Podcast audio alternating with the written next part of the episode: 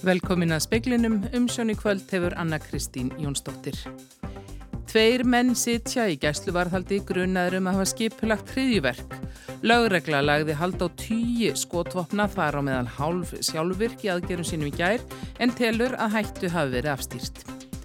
Verð á nöðsynjavöru hefur hækka mikið í ár. Verkefnastjóri verðlags eftirlits Alþjóðsambands Íslands segir að verkalýsreifingin verði að bregðast við hækkununum í kjaraviðræðum. Utanríkistráð þeirra bandaríkjana segir að Rúslands fórseti síni sáttmála saminuðu þjóðana lítilsvirðingu. Öryggistráðið fundaði um stöðuna í Úkrænu í dag. Og það er stemt að því að Birkiskóar þekki 5% landsins árið 2031 en ef það á nást þurfa landsmenn að saminast í átaki á sopnin Birkifræja. Lauruglan telur sig hafa afstýrt hriðjuverkum í viðamiklum aðgerðum í gær. Tveir menn hafa verið úrskurðaður í gæsluvarðhald. Þeir eru grunnaður um að ætlaða ráðast gegn borgurum og aðstu stofnunum ríkisins. Menninni voru handteknir í gær í stórtækum aðgerðum lauruglu á tveimur stöðum á höfuborgarsvæðinu. Í framhaldinu gerði laurugla húsleit á sjö öðrum stöðum. Á fundi með fréttamönum í dag greindi laurugla frá því að hinnir handteknu var ekki aðeins grunaðir um umfangsmikla vopnaframlegslu heldur einnig að undirbúa hriðjuverk gegn borgurum og aðstu stofnunum ríkisins. Undir það falla alþingi og lögregla. Þetta er fyrsta mál sinnar tegundar á Íslandi, sagði Karl Steinar Valsson yfir lögreglu þjótt sem tók fram að hættu hefði verið afstýrt. Í kjálfar aðgera lögreglu er það okkar mat að það sé óhætt að segja að samfélag okkar sé örugara en það var. Hinnir grunuðu eru allir íslenskir karlmenn á þrítúksaldri. Þeir eru taldir hafa notað þrývítarprentara til að búa til vopn sem þeir ætluð að nota til verksins. Lagt var hald á tugi skotvopna þar á meðal half sjálfvirk vopn sem sögðu eru engar hættuleg á samt þúsundum skotfæra. Lögregla vill ekki segja til um hversu langt skipulagning árása var komin, nýje hvort þær beindust að tilteknum einstaklingum. Þá vill lögregla ekki gefa upp hvað bjóað baki. Lögreglan hefur verið í samskiptum við erlenda kollega sína vegna málsins, engum á Norðurlöndum. Tveir hafa verið úrskurðaður í gæsluvarhald, annar í viku en hinn í tvær. Alexander Kristjánsson tók saman og nánar verður fjallaðum þetta síðar í speklinum. Mánaðleg útgjöld fjögur að manna fjölskyldu í eigin húsnæði hafa hækkað um allt að 130.000 krónum á einu ári. Verkefnastjóri verðlags eftirlits Alþjóðsambands Íslands segir það vonbriði að nýtt fjárlega frumarp hafa ekki komið til móts við heimilin.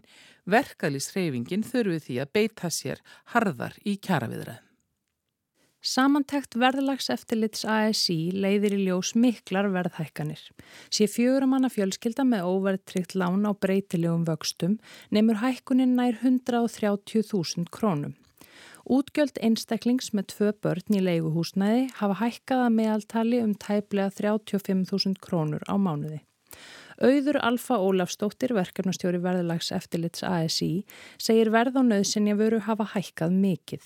Það er raun, raun að veru ómögulegt fyrir fólk að breyta kaupæðinsinni og þannig reyna að minka á sér verðbúkunar á fjárhæg heimilisins. Hún segir húsnæðiseigandur með óverðtrið lán á breytilegum vöxtum hafa farið verð út úr hækkununum en leyendur. Lega hefur hækkað minna en húsnæði núna frá því að COVID fór á stað. Auður Alfa segir lægri tekihópa hafa orðið hvað verst úti í hækkunum og að ASI hefði viljað sjá stjórnvöld grýpa inn í. Og vorum, já, bara eins og hissa á því sem kom fram í þessu kjærlafnumvarti sem var að kynna um daginn fyrir næsta ár. Hún segir hækkun bensíngjalds og kólefnisskatts koma verst niður á þeim sem minnst hafa. Frumvarpið sé ekki í takt við ástandið í þjóðfélaginu. Eitran þá frekar undir það að verkefnisrengin þurfa að hérna, já, ná þessu kostnæðar hækkunum tilbaka í samningu núna á næstu mánuðum. Sæði auður Alva Ólafsdóttir, Gunnhildur Kjærúlf Birgisdóttir talaði við hana.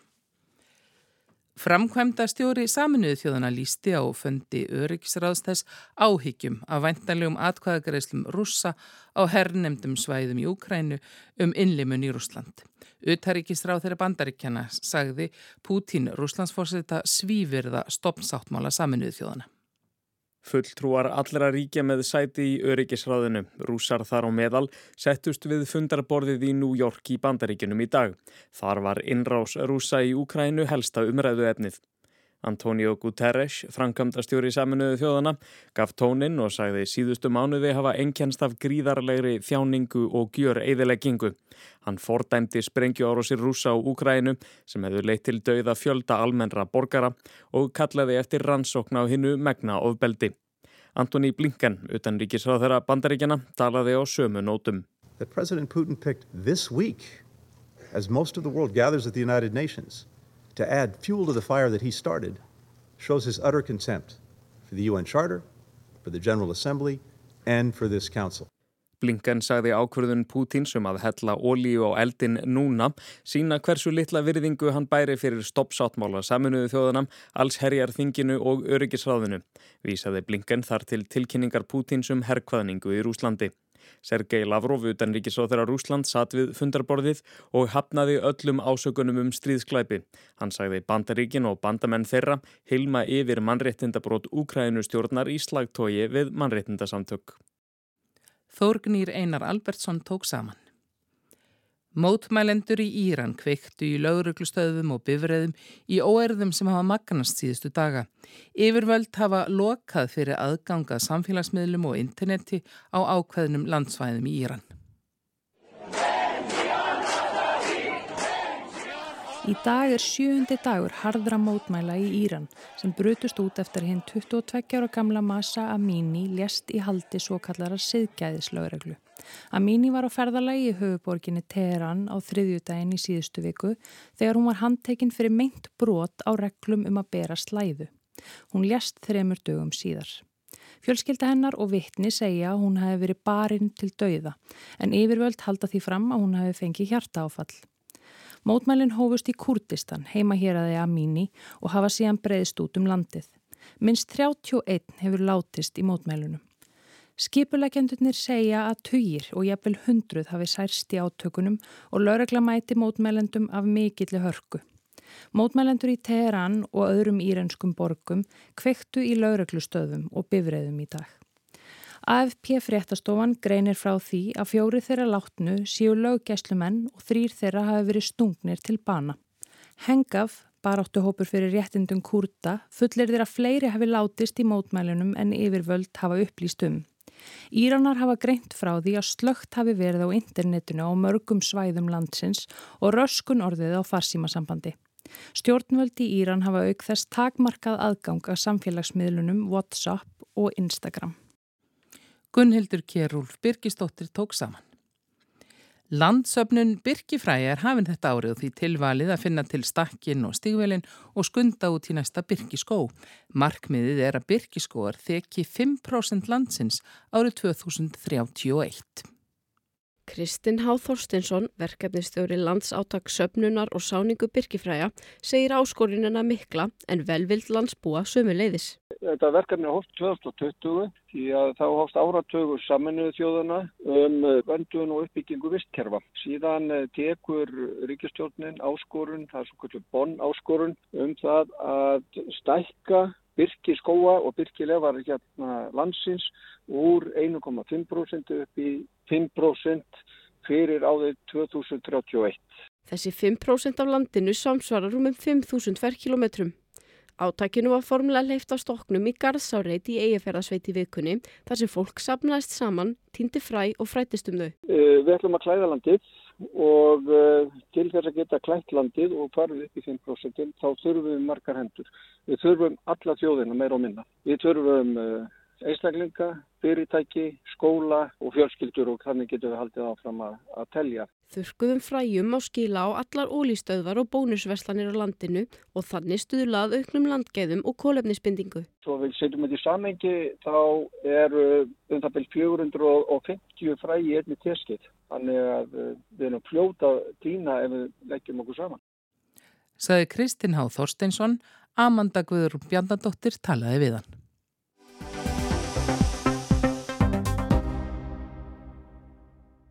Tugir skotvopna þar á meðal hálf sjálfvirkvu upp voru meðal þess sem lauragla leði halda og í aðgerðum í gær. Sérsveit ríkislauruglustjóra leti skara skrýða á nýju stöðum á höfuborgarsvæðinu og voru fjórir handteknir. Tveimur var sleftstötu síðar. Af tilkynningu sem sendt var út strax í kjölfarið var þegar ljósta málið væri alvarlegt. Sérstaklega var tekið fram að rannsók þess færi á hendi ríkislauruglustjóra og hann færi með rannsók brota gegn stjórnskipan landsins. Undir hana heyri bæði alþingi og laurugla. Á fundi með fréttamönum í dag greindi laurugla frá því að mennirnir væru grunaður um skipulagningu hriðuverka. Tilefni þessa fundar er að því að upprunni því að aðgerðir sem laurugla var með í gær, þar sem að aðilar voru handteknir í tengslu við rannsók á ætluðum undirbúningi að hriðuverkum. Mála þessu tægi hefur aldrei áður komið upp hérna á landi að því að laurugla sjálf best veit. Hún vil ekki segja til um hver langt skipulagning Árásona var komin, nýja hvort þar hefði beinskegt tilteknum einstaklingum. Það tekið fram í tilkynningunni frá ekkur að ríkislauruglustjóri annist mál sem að varði til dæmis brot gegn eh, stjórnskipan ríkisins eða aðstu stjórnskipan. Má þá ekki ætla að þetta sé hugsanlega alþingi eða jafnvel lauruglan sem að árásamenninir svona eh, beindu sjónu sínum uh, gafbært? Jú, það má alveg ætla það. Þjóðaröryggisráði úr áðunitum var þegar tilkynntum málið. Laurugla tekur það fram að eftir handtökurnar sé ekki talið að borgurum stafi hætta af hriðuverkum og hættustegu vegna hriðverkaóknar er óbreytt, látt. Tveir af þeim einstælingum sem voru handteknir í gær, þeir sem að laurugla taldi vopnaða og hættulega, hafa verið úrskurðar í gæsluvarhald, annar í tvær vikur og hinn í eina. Í kjölfar aðgera lauruglu er það okkar mat að það sé óhætt að segja að samfélag okkar sé örugara en það var. Við gripum til ákveðnar ástafana meðan að aðgeri voru meðan við vorum að ná tökum á, á, á hérna, stöðinni en, en eh, við, við höfum ekki auðvitað vil maður ekki upplýsa nákvæmlega um það hvað viðbróð lögregli eru. En, en eh, við höfum dreyið mjög úr okkar viðbúnaði öllum saman. Og við teljum að þessar aðgerið sem við vorum í sem voru mjög umfásmiklar og það var örglega í kringum þegar mest var í kringum 50 lögreglumenn eða minsta og starfsmenn lögreglu sem tóku þátt í þeim aðgerið sem voru. Og með þeim teljum við hafa náðum um, utanum það sem við vorum að rannsaka. Um 50 manns tóku þátt í aðgerðum lauruglu í gær. Hún hefði rannsakað mennina um nokkura vekna skeið vegna grunns um alvarlegt vopnalagabrót, framleiðslu og sölu vopna sem eru búin til með hjálp þrývitabrentara sem og vopna einflutning. Grímur Grímsson yfir lauruglu þjóðn segir að rannsóknin hafi síðar tekið aðra stefnu. Við rannsóknina komum fram upplýsingar sem leittu til grunns um að undirbúningi væri árásur gegn borgurum ríkisins og stofnunum þess. Þegar sá grunnu var framkomin var ríkislökustjórun gert viðvart en hann fer samkvæmt ákvæmum lörgulega með rannsóknarforræði er lítur að málu með varðabrót gegn ákvæmum meðlættakabla almenna hefningalaga. Ekki er vitað hvort menninir hafa áður komið við sögu lögreglu, nýja hvort þeir tengist skipulöðum glæpasamtökum. Lögregla hefur verið í samskiptum við erlendar sýstustofnanir vegna málsins, engum á Norðurlöndum. Hvað bjóða baki árás á ráallununum fæst ekki uppgefið. Rannsóknir lítur náttúrulega meðal annars af því að, að upplýsa það hvað, hvað, hver var tilgangurinn með því sem að, þessar áallun sem var í gangi. Leikur ykkur grunar á að þetta hafi verið þjóðverðni sinnar eða eitthvað slíkt? Við erum ekki tilbúin að svara því á þessari, þessari stundu. Saði Karl Steinar Valsson áður heyrðist í Grími Grímsinni og Sunnu Karin Sigurþórsdóttur. Alexander Kristjánsson tók saman.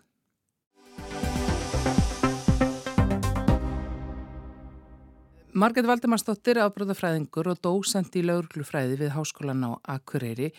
Hér í dag var beilinist talað um hriðjuverk og það stingur nú í eiru. Við eigum ekki vanda til að, að segja talað um slíkt sem hefði, hefði mögulega geta gerst bara hér hjá okkur.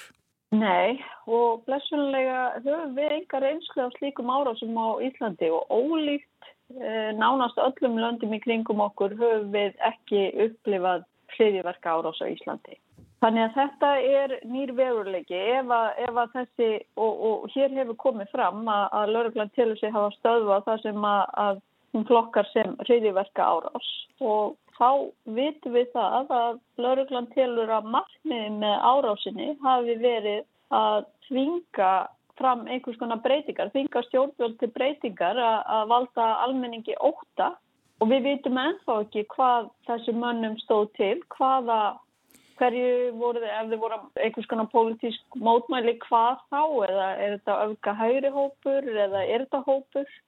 Það eins og hefur komið fram þá náttúrulega tala lögreglur um að rannsóknin sé á viðkvæmi stígi og það er ennþá eftir að fara í gegnum bara mikið á gögnum og, og kanna það betur einmitt kannski líka hvata þessara manna en þetta voru, við veitum þó þeir sem hafa verið handteknir eru ungir menn og Já. það kannski leiðir hugan að voðaverkum sem hafa verið unnin í kringum okkur.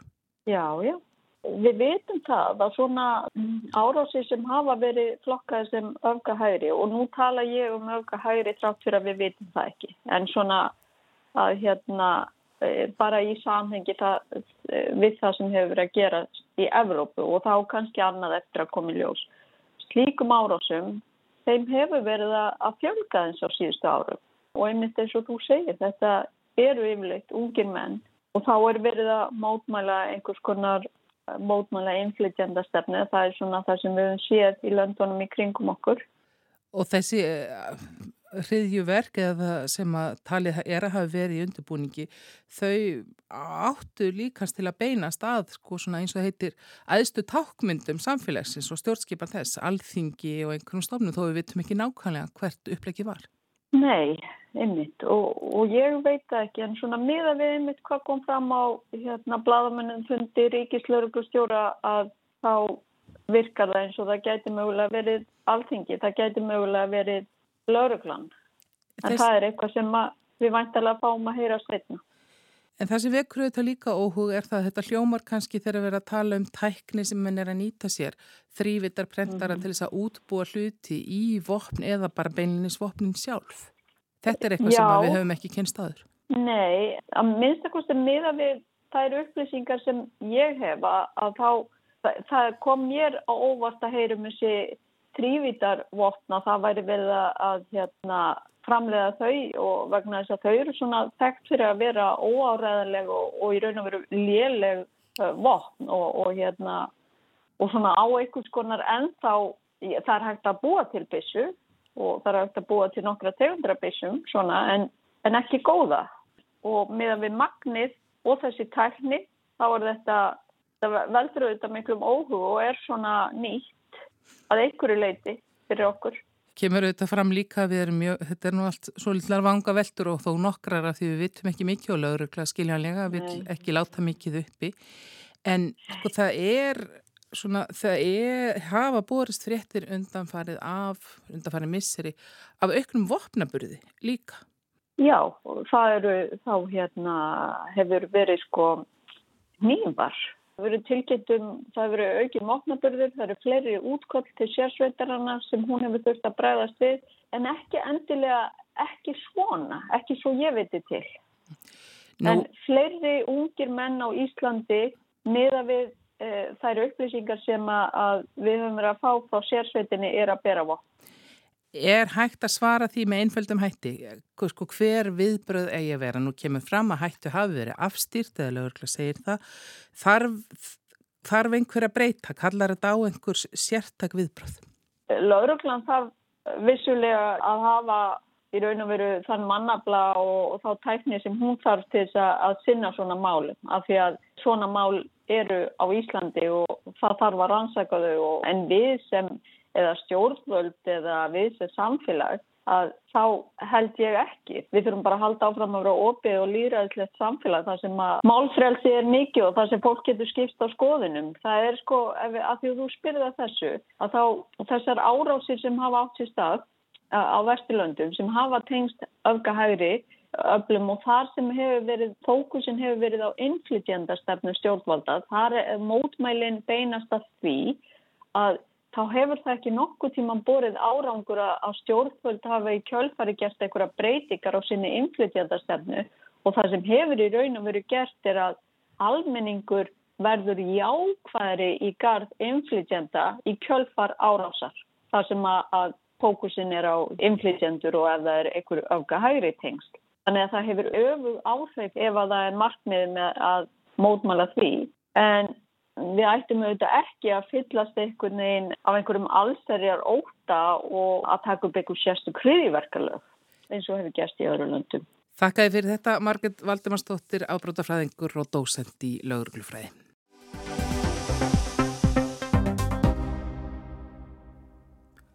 Hver er staðan í Jemen núna? En í Afganistan? Í fyrra var áratugur liðin frá því að átök brutust út í Sýrlandi. Stríð sem fengu mikla aðtikli um stund en fréttir af afleðingum þeirra og hörmungum sem fórnalum þeirra búa við verða æg meira eins og ógreinlegt suð úr fjarska. Fréttir af átökum fara hljóma eins og tölfræði upplýsingar sem erfitt er að meðtaka. Staðarheitin er okkur ókunn og við sjáum þau ekki fyrir okkur. Hvenar verður stríðstinurinn að suði og er það óhjákvæmilegt? Snúum okkur að stríði sem geysar nær okkur, jamt í tíma og landfræðilega. Sjö mánuðir eru leðnir síðan rúsnenskur herr reðst inn í Úkrænu úr norðri, austri og söðri. Í sjö mánuði höfum við fylst með fréttaflutningi þaðan.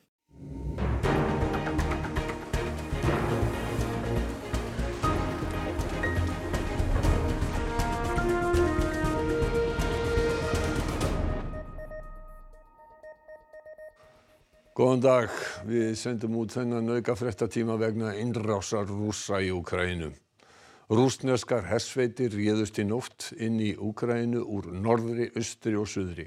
Koma þær fréttir sem berast aða núna eins við okkur og þær gerðu í auka fréttatímanum í hádeginu 24. februar fyrir á þessu ári þegar að Bóji Ágússon færð okkur þær fréttir að friðurinn væri úti í Evrópu. Að sjálfsögðu ekki. Við vennjumst í að heyra af hörmungunum fáum fréttadeyfingu eða jável frétta þreitu.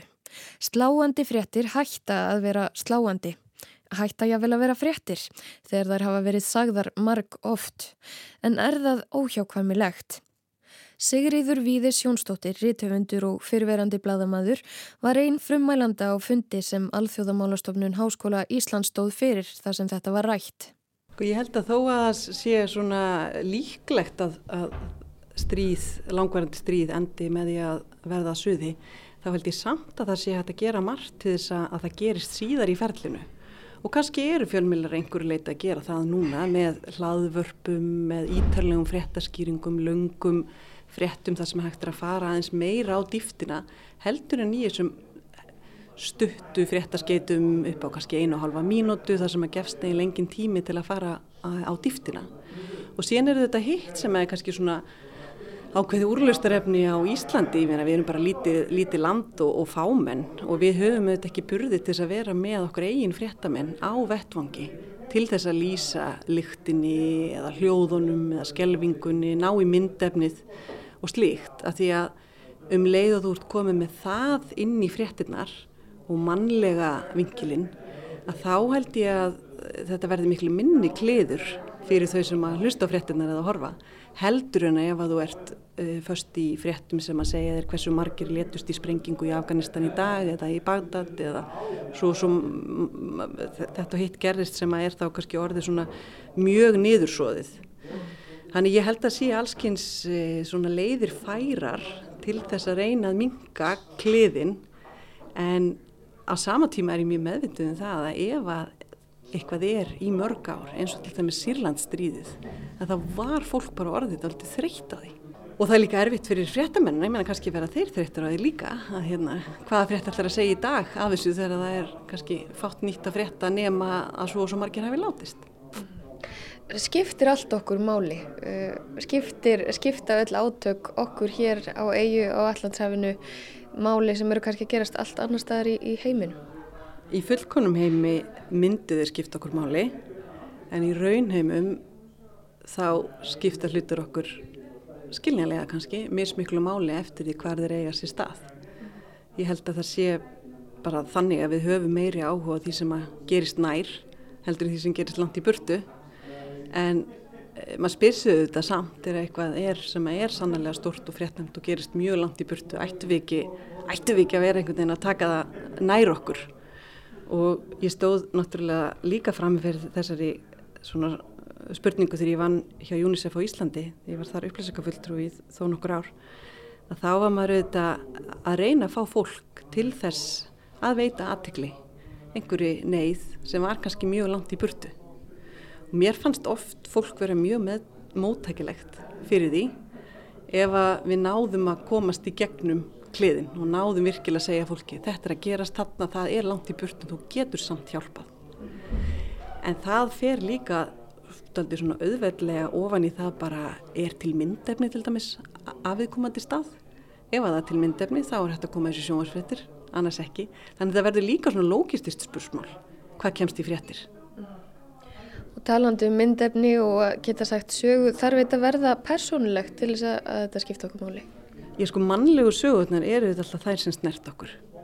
Það snertur okkur á allt annan hátt að tilteki bara að komist ekki skóla að því það er á flótta heldur en að heyra að tvær miljónir barna sé án mentunar vegna þess að það búi í flóttamannabúðum.